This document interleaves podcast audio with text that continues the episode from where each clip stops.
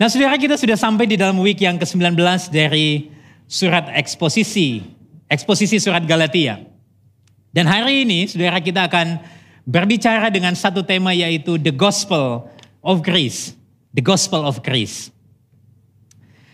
Saudara mungkin kita sudah sering dengar kata grace, kata kasih karunia.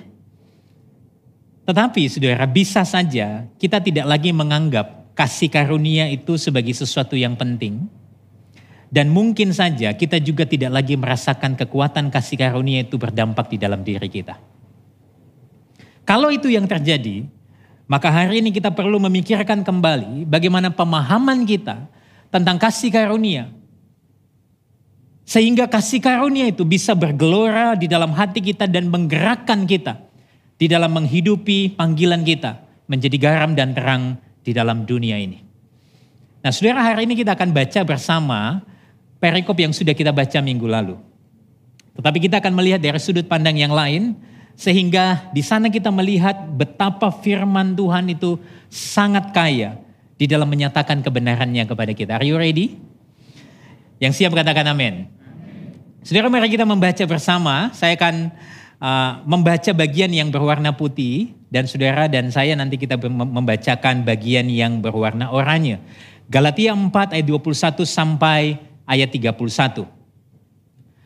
Katakanlah kepadaku, hai kamu yang mau hidup di bawah hukum Taurat, tidakkah kamu mendengarkan hukum Taurat?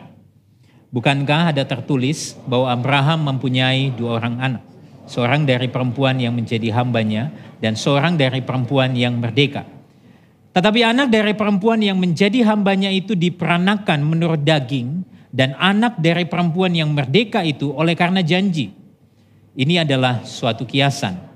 Sebab kedua perempuan itu adalah dua ketentuan Allah. Yang satu berasal dari gunung Sinai dan melahirkan anak-anak perhambaan. Itulah Hagar. Hagar ialah gunung Sinai di tanah Arab. Dan ia sama dengan Yerusalem yang sekarang. Karena ia hidup dalam perhambaan dengan anak-anaknya. Tetapi Yerusalem surgawi adalah perempuan yang merdeka dan ialah ibu kita. Karena ada tertulis, bersukacitalah hai si mandul yang tidak pernah melahirkan. Bergembiralah dan bersorak-sorailah, hai engkau yang tidak pernah menderita sakit bersalin. Sebab yang ditinggalkan suaminya akan mempunyai lebih banyak anak daripada yang bersuami. Ayat 28. Dan kamu saudara-saudara, kamu sama seperti Ishak adalah anak-anak janji. Tetapi seperti dahulu, dia yang diperanakan menurut daging menganiaya yang diperanakan menurut roh. Demikian juga sekarang ini.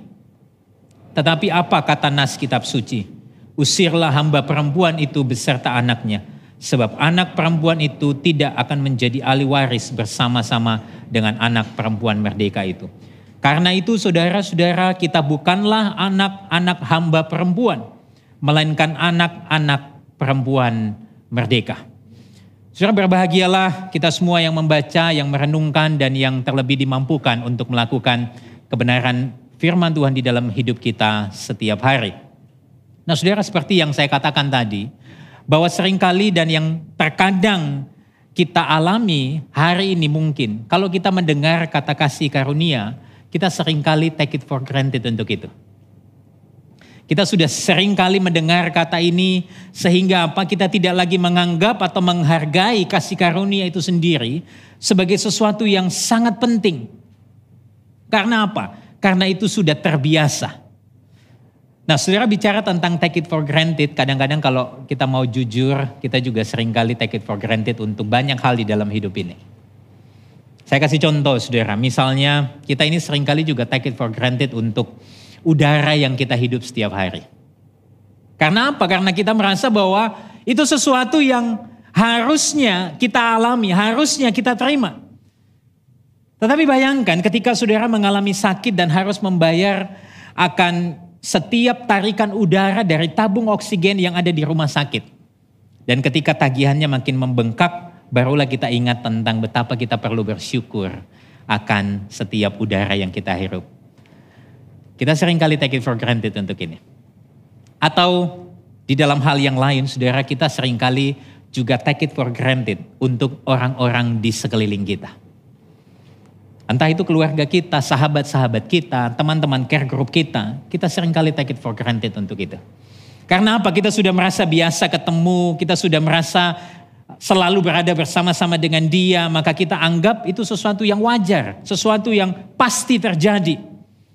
Tetapi bayangkan ketika orang-orang itu pergi dan meninggalkan kita. Baru waktu itu kita sadar itu sesuatu yang penting. Begitu juga halnya dengan kasih karunia. Kita sering dengar, kita sering kemudian uh, membaca tentang kasih karunia, tetapi acap kali kita take it for granted untuk itu. Kita sudah terbiasa dengan kasih karunia, maka kita tidak lagi melihat kasih karunia itu sebagai sesuatu yang harusnya dirayakan setiap saat. Ataupun saudara kalau kita masih ucapkan, Seringkali itu hanya sebatas ucapan klise yang menunjukkan bahwa kita ini masih rohani. Padahal kita sudah kehilangan rasa akan kasih karunia. Nah dari perikop ini saudara, saya ingin kemudian membawa saudara melihat kekayaan daripada kasih karunia itu sendiri. Nah kita akan melihat tiga poin penting hari ini. Yang pertama, mengapa sering kali kita gagal menghayati kasih karunia. Lalu yang kedua, bagaimana kita dapat mengalami kasih karunia itu? Dan yang ketiga, apa implikasi kasih karunia dalam kehidupan iman percaya? Saudara yang pertama, mengapa sering kali kita gagal di dalam menghayati kasih karunia? Nah kalau kita kembali kepada teks kita di dalam Galatia pasal yang keempat ayat 21, di sana dikatakan demikian. Katakanlah kepadaku, hai kamu yang mau hidup di bawah hukum Taurat Tidakkah kamu mendengarkan hukum Taurat? Saudara, kalimat yang saya beri warna oranye di sana. Hai kamu yang mau hidup di bawah hukum Taurat. Menyiratkan sebuah kejadian di mana orang-orang Kristen di Galatia pada waktu itu ingin kembali kepada prinsip bahwa untuk mendapatkan keselamatan, untuk mendapatkan perkenanan Tuhan, maka mereka perlu menambahkan sesuatu dengan cara melakukan hukum Taurat.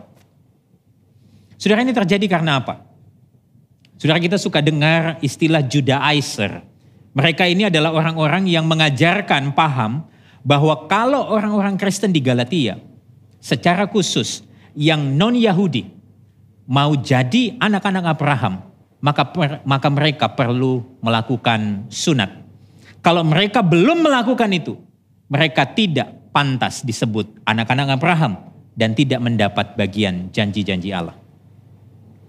Saudara mungkin saudara berpikir bahwa ini nggak relate. Ya kita sudah tidak lagi bicara tentang sunat di hari ini untuk mendapatkan keselamatan. Mungkin juga saudara berkata bahwa itu kan zaman dulu pastor. Tetapi izinkan saya untuk memberikan sebuah ilustrasi kepada saudara. Ilustrasi ini saya ambil dari cerita yang diungkapkan oleh seorang pengkhotbah yang bernama Charles Spurgeon di abad yang ke-19. Saudara ilustrasinya ini sangat menarik sekali karena berkisah tentang ada seorang tukang kebun yang menanam wortel. Saudara, singkat cerita dia membawa wortel terbaiknya ini kepada seorang raja. Raja di mana dia memerintah di tempat tukang kebun ini tinggal. Waktu dia datang, saudara dia bilang kepada raja begini, Tuanku raja, ini adalah wortel terbaik dan terbesar yang pernah kutanam dan yang pernah tumbuh. Aku ingin mempersembahkan ini kepada engkau sebagai ungkapan rasa cinta dan hormatku. Saudara, waktu dia memberikan itu, hati sang raja tersentuh oleh kebaikan hati orang ini. Ketika dia mau pergi, saudara, lalu sang raja bilang begini, eh tunggu dulu. Kamu ini seorang tukang kebun yang sangat baik. Saya punya sebidang tanah persis di samping tempat kamu tinggal. Dan saya ingin memberikan itu untuk kamu sebagai hadiah. Supaya kamu bisa menghasilkan wortel-wortel terbaik untuk negeri ini. So dengan heran si tukang kebun ini kemudian terpesona akan kebaikan raja. Akhirnya dia pulang dengan hati gembira karena mendapatkan sebidang tanah. Saudara singkat cerita, berita tentang kebaikan raja kepada seorang tukang kebun yang menanam wortel ini tersebar luas. Dan ada seorang bangsawan di negeri itu yang kemudian mendengar dan berpikir, kalau raja dikasih sesuatu yang receh aja bisa dapat sebidang tanah. Gimana kalau aku kasih sesuatu yang lebih wow? Pasti aku dapat yang lebih baik. Keesokan harinya saudara, si bangsawan ini bawa seekor kuda hitam yang sangat gagah. Dia membungkuk di hadapan raja dan berkata, Tuanku raja, saya adalah seorang peternak kuda. Dan ini adalah kuda terbaik yang pernah saya ternakan. Saya ingin mempersembahkan kepada Tuanku sebagai ungkapan rasa cinta dan hormatku. Persis seperti apa yang si tukang kebun itu katakan. Tetapi sang raja tahu niat orang ini. Ia kemudian berkata, terima kasih. Lalu dia mempersilahkan bangsawan itu pergi. Ketika bangsawan ini melangkah keluar dari pintu tahta raja itu, saudara, lalu raja berkata, tunggu dulu. Aku akan memberi penjelasan kepada kamu. Tahu enggak? Bahwa tukang kebun itu memberi wortelnya untuk aku tapi kamu memberi kudamu untuk dirimu sendiri. Saudara, apa pesan yang penting yang kita pelajari di sini? Saudara, kalau kita memberi kepada Allah dengan harapan untuk membuat kita diberkati, atau kita diberi akses lebih mudah kepada Tuhan, maka kita sebenarnya sedang memberi bukan untuk Tuhan, tapi kita memberi untuk diri kita sendiri. Dan bukankah ini sesuatu yang serupa dengan apa yang dilakukan oleh orang-orang Kristen di Galatia? Mereka ingin melakukan sesuatu dengan tujuan apa? Untuk mendapat penerimaan Tuhan. Ketika mereka melakukan itu, sebetulnya mereka sedang melakukan hanya untuk diri mereka sendiri. So berkaca dari ini, Pertanyaan yang pertama, kenapa kita sering sering kali gagal menghayati kasih karunia? Karena sering kali kita masih mengandalkan usaha dan kebaikan diri kita sendiri supaya kita dianggap layak mendapatkan kasih karunia-Nya. Kalau boleh jujur saudara, coba telusuri hati kita. Kalau kita memberi, apa motivasinya? Apa tujuannya? Kalau kita melakukan pelayanan di dalam gereja, apa motivasinya? Apa tujuannya? Kalau saudara melakukan segala sesuatu, termasuk ketika saudara sebagai seorang istri melayani suami saudara, seorang suami melayani seorang istrinya, atau orang tua melayani anak-anaknya, tanya apa motivasi saudara di sana? Seringkali saudara, kita pengen melakukan sesuatu untuk mendapatkan sesuatu. Tapi dengan apa? dengan bungkus aku melakukannya karena kasih karunia. Padahal kalau kita baca saudara, waktu kita bicara kasih karunia, Allah itu berjanji untuk memberikan kasih karunia-Nya tanpa syarat bukan? Seperti yang kita baca di dalam Efesus 2 ayat 8 tadi. Karena kamu karena kasih karunia kamu diselamatkan oleh iman. Itu bukan hasil usahamu tetapi pemberian Allah. Kalau semua itu adalah kasih karunia Allah, pertanyaannya adalah Mengapa kita masih saja membuat syarat-syarat untuk mendapatkan penerimaan Allah atas karunia-Nya yang tanpa syarat? Kenapa sering kali waktu kita sadar bahwa kasih karunia Tuhan itu tanpa syarat bagi kita, tapi kita masih saja menambahkan syarat-syarat tertentu untuk mendapat penerimaan Allah. Nah menarik sekali saudara, Martin Luther pernah berkata demikian. Tidak ada manusia yang tidak pernah mengandalkan perbuatan baiknya. Berharap agar semua usaha itu dapat memenangkan hati Allah dan membuat mereka layak mendapatkan kasih karunia-Nya. Sikap yang demikian tidak bisa diterima Allah karena dia telah berjanji untuk memberikan kasih karunia-Nya tanpa syarat. Dia menghendaki agar kita mulai hidup dengan mempercayai kasih karunia-Nya dan melakukan semua perbuatan baik kita di dalam kasih karunia itu. Yang menarik bagi saya, saudara, sesungguhnya waktu kita berkata, aku tidak melakukan itu pastor. Sebetulnya kita sedang melakukan, menambahkan sesuatu pada karya keselamatan yang sudah selesai. Kita acap kali apa? Berpikir bahwa aku tidak begitu kok. Tetapi kalau kita berkaca dari apa yang Martin Luther katakan bahwa tidak ada manusia yang tidak pernah mengandalkan perbuatan baiknya untuk dapat sesuatu dari Allah. Nah inilah yang terjadi dari kisah Abraham dan Sarah. Coba perhatikan Galatia 4 ayat 23. Di sana dikatakan demikian. Tetapi anak dari perempuan yang menjadi hambanya itu diperanakan menurut daging. Dan anak dari perempuan yang merdeka itu oleh karena janji. Dengan kata lain, Paulus ingin mengekspos bahwa kelahiran Ismail ini diperanakan oleh karena hikmatnya manusia. Tetapi kelahiran Ishak itu berasal dari janji Allah. Nah yang menarik bagi saya, saya ingin kita zoom in kepada kisah Abraham dan Sarah itu sendiri. Coba kita lihat saudara kejadian 15 ayat 1 sampai 6. Kita baca bertanggapan, saya terlebih dahulu lalu kemudian kita baca bersama-sama. Kemudian datanglah firman Tuhan kepada Abraham dalam suatu penglihatan. Jangan takut Abraham, akulah perisaimu, upahmu akan sangat besar. Abraham menjawab, Ya Tuhan Allah, apakah yang akan engkau berikan kepadaku? Karena aku akan meninggal dengan tidak mempunyai anak. Dan yang akan mewarisi rumahku ialah Eliezer, orang Damsyik itu. Lagi kata Abraham, engkau tidak memberikan ke kepadaku keturunan. Sehingga seorang hambaku nanti menjadi ahli warisku. Tetapi datanglah firman Tuhan kepadanya demikian. Orang ini tidak akan menjadi ahli warismu, melainkan anak kandungmu dialah yang akan menjadi ahli warismu. Ayat yang kelima.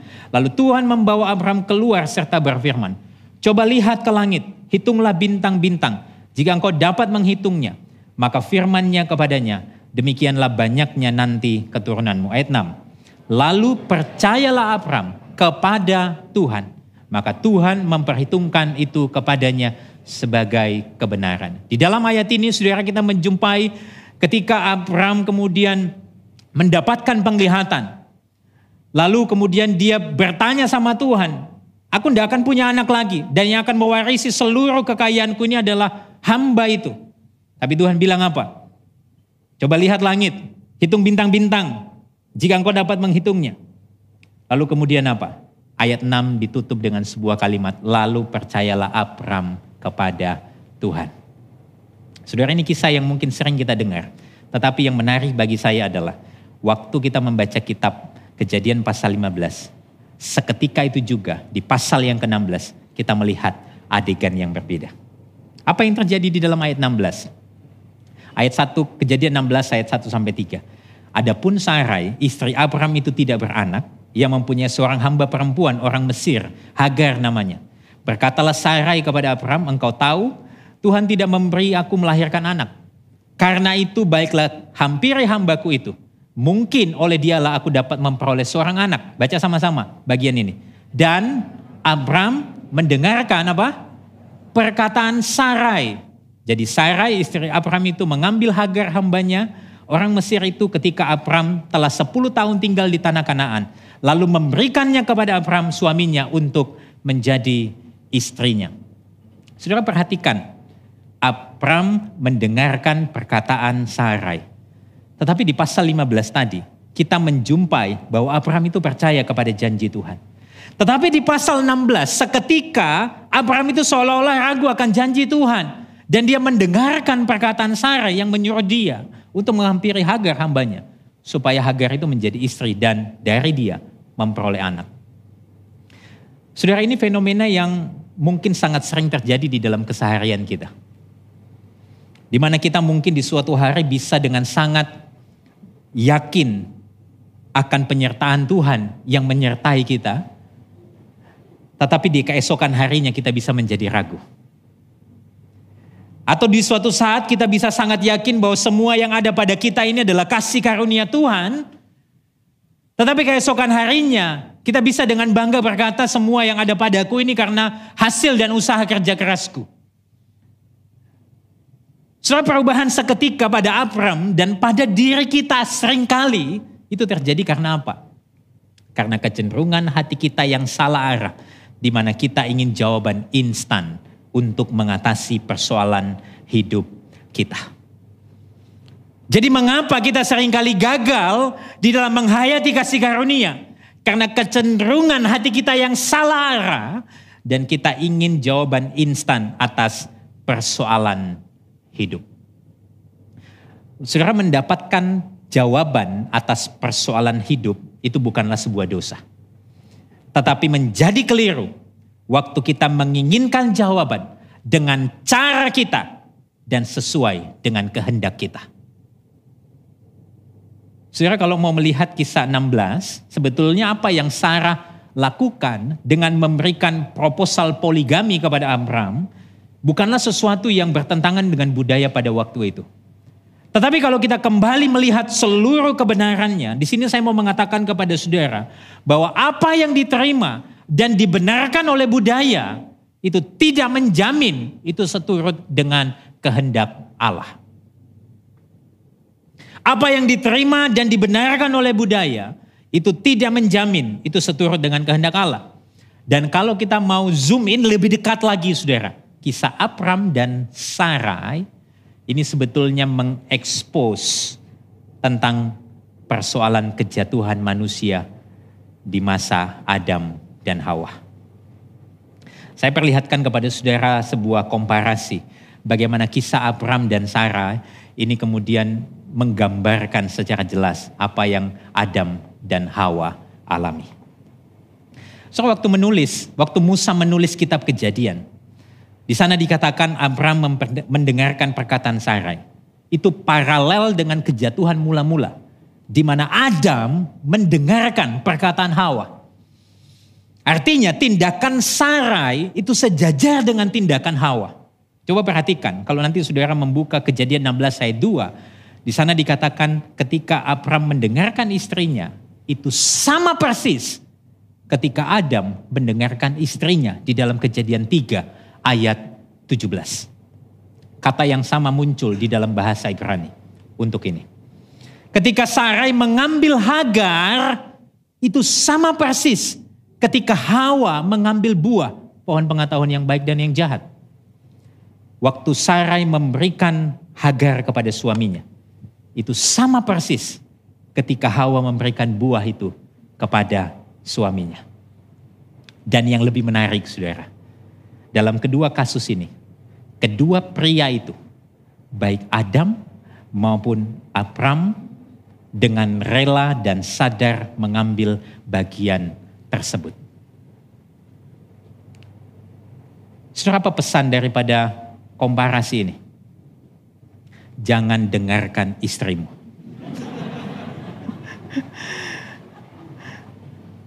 Saudara, tentu bukan itu ya. Pesannya adalah ini menunjukkan betapa kecenderungan hati manusia tanpa terkecuali itu sudah rusak karena dosa. Kita cenderung ingin melakukan kehendak kita sendiri sekalipun kita tahu kehendak Allah. Kita cenderung untuk mengambil keputusan berdasarkan keyakinan diri kita. Padahal kita tahu apa yang menjadi kehendak dan keinginan hati Allah. Dan sebetulnya ini menunjukkan bahwa sering kali kita itu nggak pengen Allah itu pegang kendali atas hidup kita. Karena apa? Karena kita lebih suka pegang kendali dengan kekuatan diri kita sendiri. Saudara seorang teolog yang bernama Arsis Sproul, dia mengatakan sebuah kalimat demikian. Kehilangan mendasar dari keinginan akan Allah adalah inti daripada dosa asal. Sewaktu Adam mendengarkan perkataan istrinya, sewaktu Abram mendengarkan perkataan istrinya, itu jelas menunjukkan bahwa mereka tidak menginginkan Allah. Dan ini adalah dosa manusia. Saudara, bicara tentang dosa, dosa bukan sekedar perilaku kita yang tidak seturut dengan firman Tuhan. Tapi dosa bicara tentang hati kita yang tidak menginginkan Tuhan di dalam setiap aspek hidup kita. Dan itu adalah akar dari dosa. Saudara, karena keinginan hati manusia ini sudah rusak, karena dosa, maka hanya yang berasal dari luar diri kita yang sanggup mengubahkan apa yang ada di dalam hati kita yang rusak. Hati kita ini sudah rusak. Apakah hati kita bisa memperbaiki dirinya sendiri? Tentu tidak, saudara. Sama seperti ketika gadget saudara rusak, gadget itu tidak bisa memperbaiki dirinya sendiri. Butuh sesuatu yang dari luar untuk memperbaikinya. Demikian juga dengan hati kita yang sudah rusak. Dan jawabannya adalah kasih karunia. Katakan sama-sama kasih karunia. Kasih karunia. Saudara seorang penulis buku Matt Chandler di dalam bukunya The Explicit Gospel, dia mengatakan demikian. Kasih karunia adalah pengubah hati. Karena dari hati muncul segala macam perilaku. Saudara sering kali hati kita yang gak beres. Hati kita yang salah arah. Perbuatan kita, apa pun yang kita lakukan, itu merupakan ekspresi dari hati kita yang kacau. Saudara saya kasih contoh praktis. Saudara beberapa waktu yang lalu setelah kami pulang dari uh, gereja atau dari pelayanan kemudian seperti biasa protokol di rumah di tempat kami tinggal itu adalah uh, kita mesti mandi ya membersihkan diri ini sejak COVID itu terus terjadi bahkan sebelum COVID pun. So lalu karena kami tinggal di satu tempat yang tidak terlalu besar di sebuah apartemen kira-kira besarnya 40 meter persegi kira-kira begitu. Waktu istri saya mandi saudara lalu dia ada ngomong satu kalimat kepada saya yang kemudian membuat hati saya itu bisa panas.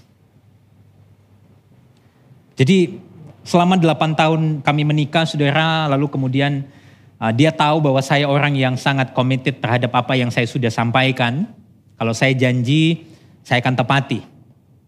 Lalu satu kali dia tanya begini sama saya, dia, dia lagi mandi, saya lagi duduk di ruang tamu, dia bilang begini, Ko, kapan lagi kita ke dokter? Saudara tahu enggak, waktu dia bilang kapan lagi kita ke dokter, karena memang setiap bulan biasanya saya menemani dia ke dokter untuk cek dan sebagainya, di dalam persoalan uh, kandungan of course, Waktu dia tanya begitu, saudara hati saya bisa tiba-tiba panas. Waktu dia nanya begitu, saya langsung respon begini. Opo nanya, kamu ndak percaya tak aku bisa ngurusi kamu nanti? Aku pasti tepatin janji untuk ngantar kamu ke dokter. Saudara lihat ya, dia cuma nanya pertanyaan yang simple sekali. Saya bisa tiba-tiba panas. Di ruang makan itu saya langsung bilang begini, bentar dia keluar dari kamar mandi, saya dudukin nih. Saya ajak bicara nih. Apa kamu tidak percaya tuh sama aku? Aku wis janji tuh. Nanti saya akan bawa kamu ke dokter.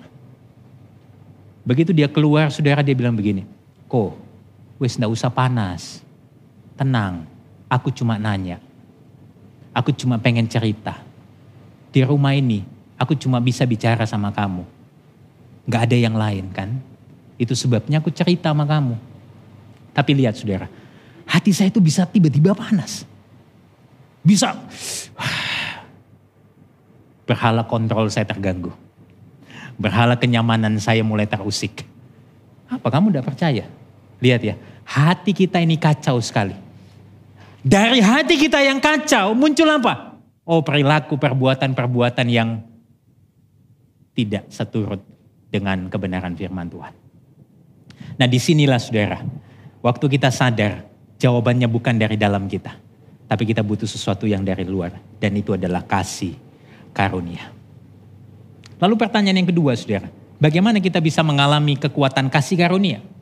Nah di sini saudara saya ingin membawa kita untuk menyimak kembali bacaan kita di dalam Galatia 4 ayat 27. Di sana Paulus berkata demikian. Karena ada tertulis, bersukacitalah hai si mandul yang tidak pernah melahirkan Bergembira dan bersorak-sorailah. Hai engkau yang tidak pernah menderita sakit bersalin. Sebab yang ditinggalkan suaminya akan mempunyai lebih banyak anak daripada yang bersuami. Saudara Paulus entah bagaimana mengutip sebuah catatan di dalam kitab Yesaya. Yaitu Yesaya 54 ayat yang pertama.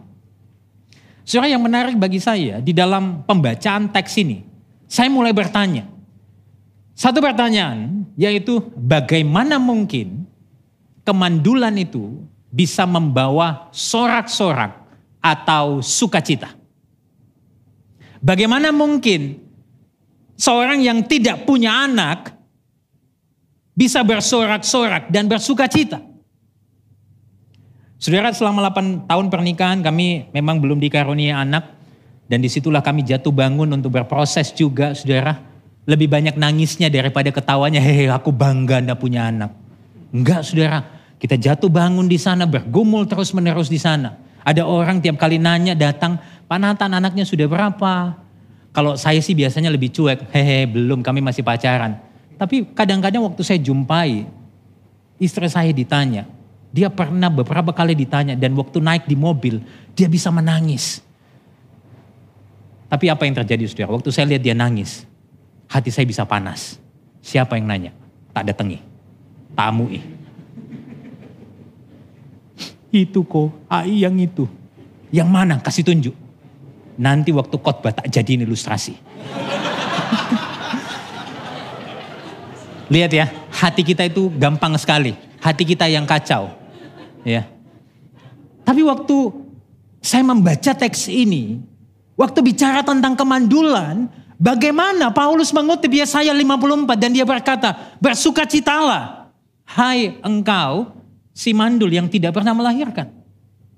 Bagaimana mungkin kemandulan itu membawa sorak-sorai atau sukacita? Dan kalau kita bicara tentang kemandulan, saudara, di zaman dulu, di budaya setempat pada waktu itu, menganggap keberhargaan seorang wanita diletakkan sepenuhnya pada kemampuannya untuk melahirkan anak. Sehingga kemandulan itu dianggap sebuah stigma yang buruk dan wanita yang demikian dianggap tidak berguna. Nah kalau kita mau jujur saudara di konteks hari ini pun bukankah sebagian besar masyarakat modern juga masih condong melihat hal yang sama. Nah dari sini saudara kita bisa berkaca. Bukankah seharusnya kemandulan itu diresponi dengan keheningan bahkan kesedihan. Tapi bagaimana mungkin kemandulan membawa sorak-sorai? Nah di sinilah Paulus dengan sangat brilian memberikan satu pesan yang penting tentang Injil kasih karunia kepada yang mandul. Paulus sedang menunjukkan bahwa Injil kasih karunia kepada yang mandul tidak hanya muncul dari pembacaan kisah Hagar dan Sarah, Melainkan Injil kasih karunia itu juga disingkapkan di dalam seluruh perjanjian lama. Saudara kalau membaca kitab Yesaya 54 ayat yang satu kutipan Rasul Paulus. Di sana kita menjumpai sebuah background, sebuah latar belakang di mana pesan itu disampaikan kepada orang-orang Israel yang berada di dalam kondisi pembuangan di tanah Babel. Mereka menderita mereka berpikir bahwa kehidupan mereka telah berakhir. Mereka tidak akan pernah kembali ke negeri perjanjian. Mereka terlihat seolah-olah gagal, lemah, tidak berdaya di bawah pengasingan, penjajahan bangsa lain yaitu bangsa Babel. Tapi di sisi lain mereka melihat bangsa yang menjajah mereka semakin kuat, semakin perkasa, semakin berkuasa. Jadi pertanyaannya, bagaimana mungkin mereka yang lemah, yang tidak berdaya, atau di dalam nubuatan kitab Yesaya dikatakan mandul bisa bersorak-sorai. Nah di sinilah saudara, saya menemukan keindahan kasih karunia di mana Tuhan seolah-olah ingin berkata, bersukacitalah. Sekarang ini kamu memang terlihat tidak berdaya. Tapi justru di sana kamu akan melihat kasih karuniaku. Yang kuat terlalu sibuk mengandalkan diri mereka sendiri. Ketika Paulus mengutip bagian ini di dalam nubuatan nubuatan Yesaya pasal 54 ayat 1, seolah-olah Paulus ingin menyampaikan sebuah pesan kepada jemaat-jemaat di Galatia, bersukacitalah. Mungkin sekarang kamu tidak berdaya melawan pengajaran-pengajaran palsu. Tapi justru di sana kamu akan melihat kasih karuniaku yang kuat terlalu sibuk mengandalkan diri mereka sendiri. Dan inilah cara kerja kasih karunia Allah. Justru di dalam kelemahan kita, kasih karunia itu semakin bersinar dan semakin nyata. Pastor Mike sering kali mengingatkan kita, gospel people, orang berinjil, tidak menunjukkan dirinya hebat dan sempurna. Tetapi justru di, di dalam kelemahannya, di dalam ketidaksempurnaannya, dia tidak malu karena apa? Dia tahu seluruh kecukupan Kristus yang akan bersinar dan akan nampak nyata lebih terang di dalam hidupnya. Saudara kalau hari ini kita melihat nilai-nilai dunia mengajarkan kita kamu perlu jadi hebat, kamu perlu jadi kuat, kamu perlu jadi sukses, kamu perlu jadi berpengaruh. Tidak jarang saudara kalau mau jujur nilai-nilai ini juga masuk di dalam kehidupan bergereja.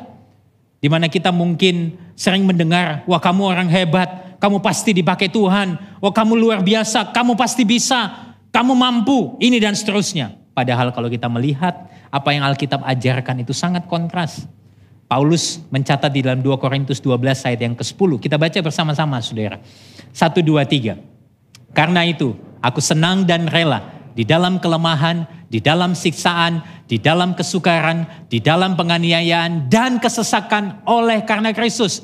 Sebab jika aku lemah, maka aku kuat. Surah di sini kita menyaksikan Allah itu sanggup menguatkan yang lemah. Sehingga yang lemah itu tidak berputus asa. Tapi di sisi lain saudara, kalau selama ini saudara hanya melihat satu sisi, bahwa kasih karunia itu begitu lembut, menguatkan kita yang lemah. Tapi saya perlu ingatkan kepada saudara, karena kasih karunia itu bukan hanya lembut, dia sangat kuat. Dia sanggup melemahkan yang merasa diri kuat. Begitu powerful, sehingga ketika kita merasa kuat dengan diri kita sendiri, bersiaplah untuk dibawa ke dalam pengalaman kehancuran. Bukan supaya saudara putus asa, tetapi supaya kasih karunia Allah itu semakin nyata dan bersinar di dalam kelemahan kita. Dan supaya kita berhenti bersandar pada diri kita dan kita mulai bersandar pada kekuatan Allah. Saudara kalau kita melihat surat Galatia, bagaimana Paulus itu memberikan sebuah aplikasi yang sangat indah tentang hal ini. Ketika orang-orang di Galatia itu seolah-olah dilemahkan oleh para Judaizer di mana mereka bilang sama orang-orang Kristen di Galatia, kamu cemar, kamu cacat, kamu tidak layak di hadapan Allah, kamu tidak pantas jadi anak-anak Allah yang dikasihi. Justru di sana Paulus membalikan keadaan itu dan menghibur orang-orang di Galatia dengan penuh keyakinan. Dan di sini saya menemukan sebuah kutipan, sebuah tulisan daripada Timothy Keller. Dia mengatakan demikian. Jika keselamatan bergantung pada perbuatan, maka hanya mereka yang subur yang dapat memiliki keturunan. Hanya mereka yang memiliki kemampuan moral dan kekuatan. Orang-orang dari keluarga baik, orang-orang dengan rekam jejak baik yang dapat berbuah secara rohani. Menikmati kasih dan sukacita Tuhan dan berdampak pada kehidupan orang lain.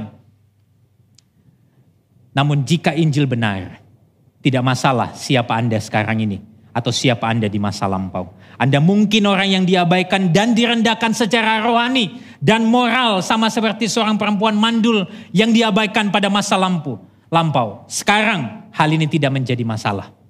Anda tetap dapat memberi dampak dan mungkin itu bertahan lebih lama.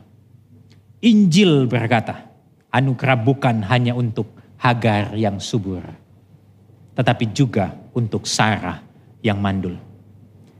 Jika Sarah bisa memiliki masa depan, siapa pun bisa. Saudara saya mau berkata kepada saudara, apa pun latar belakang saudara hari ini, apa pun keadaan hidup saudara, mungkin saudara ketemu jalan buntu, saudara direndahkan, saudara diabaikan, atau mungkin karena kehidupan masa lalu Anda yang buruk, yang bobrok, di dalam Injil Yesus Kristus, saudara dan saya punya masa depan. Yang setuju katakan amin. Jadi bagaimana saudara? Kita bisa mengalami kekuatan kasih karunia Tuhan itu semakin nyata dalam hidup kita. Dengan kita senantiasa mengingat bahwa kasih karunia Allah sanggup menguatkan yang lemah. Tetapi juga sanggup melemahkan yang kuat. Supaya bagi yang lemah tidak putus asa. Bagi yang kuat tidak bermegah diri. Inilah kekuatan kasih karunia Allah. Dan implikasi ini sangat besar sekali saudara. Kita masuk kepada poin yang ketiga. Saudara di dalam implikasi ini, saya ingin saudara melihat Galatia 4 ayat 29. Di sana dikatakan demikian.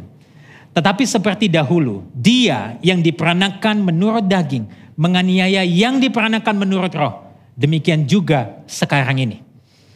Saudara saya ingin mengutip apa yang dikatakan Timothy Keller sekali lagi sebagai respon terhadap ayat ini. Dia mengatakan demikian. Salah satu cara kita mengetahui bahwa identitas kita berdasarkan pembenaran oleh Kristus ialah kita tidak menjadi benci dan memusuhi orang yang berbeda pendapat dengan kita. Adapun salah satu cara untuk mengetahui bahwa identitas diri kita berdasarkan pembenaran oleh perbuatan baik kita ialah kita menganiaya orang yang berbeda dengan kita. Saudara sesungguhnya respon kita terhadap penderitaan, respon kita terhadap penganiayaan, respon kita terhadap perbedaan pendapat dengan orang-orang lain, itu hanya akan mengekspos siapa diri kita. Mengekspos identitas kita. Kalau respon kita digerakkan oleh kasih karunia, maka kita akan dimampukan untuk mem, untuk tidak membenci dan tidak memusuhi orang yang berbeda pendapat dengan kita. Tapi kalau kita kalau respon kita digerakkan oleh perbuatan baik kita, maka kita akan condong untuk melihat dan merendahkan orang lain karena dia tidak melakukan apa yang kita lakukan. Dan di sinilah saudara, ini implikasi yang besar sekali dalam kehidupan kita. Dan saya ingin memberikan kepada saudara contoh praktis yang lain tentang implikasi memahami kasih karunia. Kalau kita diselamatkan kasih karena kasih karunia, itu akan menenangkan kita. Coba perhatikan saudara. Misalnya ketika saudara marah karena merasa kurang dihargai. Baik itu oleh pasangan saudara, oleh rekan kerja saudara. Apa respon saudara? Coba ingatkan diri saudara dengan kasih karunia. Karena semuanya hanya kasih karunia. Waktu kita merasa kurang dihargai. Waktu kita merasa bahwa kita tidak layak untuk mendapatkan apa yang kita anggap pantas kita dapatkan kita diingatkan saudara, sebetulnya kalau Allah mau memberikan yang pantas bagi kita, maka itu satu-satunya hanyalah kematian yang kekal. Sehingga dengan lensa kasih karunia, waktu kita mau melampiaskan kemarahan kepada mereka yang tidak menghargai kita, maka kita diingatkan terlebih dahulu, sesungguhnya kita juga orang yang layak terima kemarahan dan murka Allah. Tetapi karena kasih karunia kita diampuni. Waktu saudara pakai lensa kasih karunia, saudara merespon akan lebih tenang, saudara bisa rest di sana. Contoh yang lain saudara, saat saudara merasa bersalah atas kegagalan yang saudara lakukan. Saudara kadang-kadang kita bisa begitu tertekan, kita bisa begitu depresi, kita kemudian uh, tidak ingin hidup lagi. Tetapi coba lihat dengan lensa kasih karunia. Karena semuanya hanya kasih karunia. Maka hari ini kita tidak bisa berkata bahwa aku tidak layak menerima kasih karunia Allah. Kalau mau jujur sesungguhnya sejak mula kita memang gak layak. Tetapi karena Kristus, dia memberikan kasih karunia-Nya kepada kita. Sehingga sekalipun kita melakukan kesalahan, engkau dan saya tetap dikasihi dan dipanggil sebagai anak-anak Allah. Dengan lensa kasih karunia, Waktu saudara gagal, saudara nggak jadi putus asa. Saudara nggak depresi, saudara nggak menyalahkan diri saudara. Tapi saudara sadar ada kasih karunia yang menopang saudara untuk bangkit dan melakukan hal itu lagi. Tapi di sisi lain, kebenaran ini tidak buat kita jadi malas. Tetapi menggerakkan kita untuk apa? Tetap memberikan yang terbaik bagi Tuhan. Wow. Saudara inilah keindahan Injil kasih karunia. Dari tiga pertanyaan ini saudara, ternyata ada satu pertanyaan yang lebih penting yang perlu kita pikirkan. Pertanyaannya ialah, lantas siapa yang membuat kita menerima kasih karunia? Dan yang memampukan kita menghidupi kasih karunia. Saya ingin membawa saudara melihat kembali tiga ayat yang tadi kita baca sama-sama. Galatia 4 ayat 21, Galatia 4 ayat 27, Galatia 4 ayat 29. Ketika Paulus berkata, Katakanlah kepadaku hai kamu yang mau hidup di bawah hukum Taurat. Tidakkah kamu mendengarkan hukum Taurat? Ketika orang-orang di Galatia, orang-orang Kristen di Galatia ingin menambahkan sesuatu pada karya keselamatan Kristus yang sudah selesai di atas kayu salib dengan melakukan hukum Taurat. Sebetulnya mereka hanya melakukan untuk diri mereka sendiri. Tapi apakah mereka bisa melakukan hukum Taurat dengan sempurna? Tentu tidak. Maka dari itu pertanyaannya ialah, siapakah yang mampu hidup taat sepenuhnya pada hukum Taurat sehingga layak diterima Allah. Ketika Paulus mengutip Yesaya 54 ayat yang pertama tentang bersuka cita di tengah kelemahan, di tengah ketidakberdayaan, di tengah kemandulan. Saya kita perlu pikirkan satu pertanyaan yang lebih penting. Siapakah yang lahir dari wanita yang mungkin tidak mengharapkan kehamilan? Bukan karena dia mandul, tapi karena dia masih perawan. Lalu waktu Paulus mengatakan, tetapi seperti dahulu dia diperanakan menurut daging menganiaya yang diperanakan menurut roh. Seolah-olah Paulus pengen berkata bahwa Ishak akan selalu mengalami aniaya dari Ismail. Umat Tuhan akan selalu menganiaya dari orang-orang yang berkata dirinya umat Allah. Pertanyaan yang lebih penting di sini. Siapa yang mengalami aniaya bahkan ditolak mengalami kematian oleh bangsanya sendiri. Jawabannya ialah Kristus. Kristus. Dia tunduk di bawah hukum. Dia menjalani hidup yang taat sempurna pada kehendak Bapa. Untuk siapa?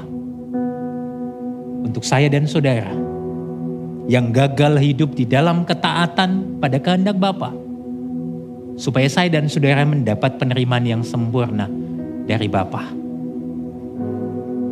Kristus, dia lahir dari seorang perawan Maria, dia datang ke dalam dunia menjadi manusia. Dia lahir di tempat yang paling hina. Dia menjalani kehidupan sebagai seorang hamba. Untuk siapa? Untuk engkau dan saya yang adalah hamba-hamba dosa yang sering kali sombong. Kita merasa kuat dengan kekuatan kita. Kita merasa berkuasa. Supaya apa? Supaya engkau dan saya menjadi rendah hati. Tidak bersandar pada kekuatan diri sendiri. Kristus.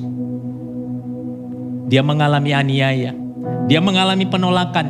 Dia dibenci. Dia dianiaya oleh bangsanya sendiri. Bahkan dia naik ke atas kayu salib untuk mati. Untuk siapa? Untuk saya dan saudara.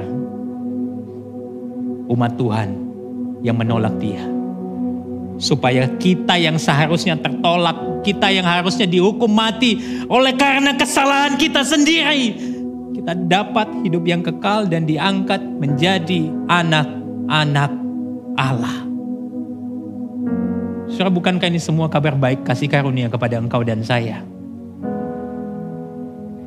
Yang paling pantas dapat penghormatan harus disalib mendapatkan kematian yang paling gak pantas supaya engkau dan saya yang harusnya mati mendapat kematian kekal dilayakkan untuk disebut sebagai anak anak Allah. Saudara, bukankah ini kasih karunia bagi saya dan saudara? Maka dari itu hari ini pertanyaan yang paling penting untuk kita renungkan Bagaimana Injil kasih karunia itu mengubah hidup saudara secara radikal. Dalam setiap aspek kehidupan saudara. Baik di dalam bergereja, di dalam rumah tangga saudara, di dalam pekerjaan saudara, di dalam apa pun yang saudara lakukan. Apakah kasih karunia itu sudah mengubah hidup saudara secara radikal? Lalu yang kedua yang perlu kita pikirkan, dalam area mana yang saudara rasa saudara adalah orang yang lemah dan saudara perlu dikuatkan. Dan di dalam area mana di mana saudara yang merasa kuat itu perlu dilemahkan. Saudara apa respon kita? Saudara mari kita bertobat dari kehidupan yang mengandalkan dan membanggakan kekuatan diri kita. Tetapi pandanglah Kristus yang menanggalkan seluruhnya dia bahkan meninggalkan kuasanya untuk menyelamatkan engkau dan saya. Dia yang paling berkuasa seolah-olah menjadi lemah, tidak berkuasa di atas kayu salib. Bahkan ketika dia berteriak Eloi Eloi lama sabak tani. Pada momen itu saya dan saudara justru mendapatkan penerimaan Allah yang sempurna. Saudara mari kita renungkan apa yang Kristus lakukan bagi kita. Dan kita ingatkan diri kita senantiasa akan kasih karunia-Nya yang menopang kita, menguatkan kita setiap hari. Apa implikasinya? Mari kita berdiri bersama-sama, kita melihat implikasinya, implikasi atas hidup kita. Bahwa sesungguhnya karena Injil, hari ini kita dapat memandang segala sesuatu yang kita miliki sebagai pemberian Allah atas dasar karunia-Nya, kasih karunia-Nya. Dia berikan itu secara cuma-cuma kepada saya dan saudara. Marilah kita menjadi penyalur kasih karunia-Nya di dalam kehidupan ini. Karena Injil, saudara, kita tidak jadi sombong dan merendahkan orang lain ketika kita berhasil. Karena kita tahu itu juga semua karena kasih karunia-Nya. Tapi waktu kita gagal, kita nggak putus asa.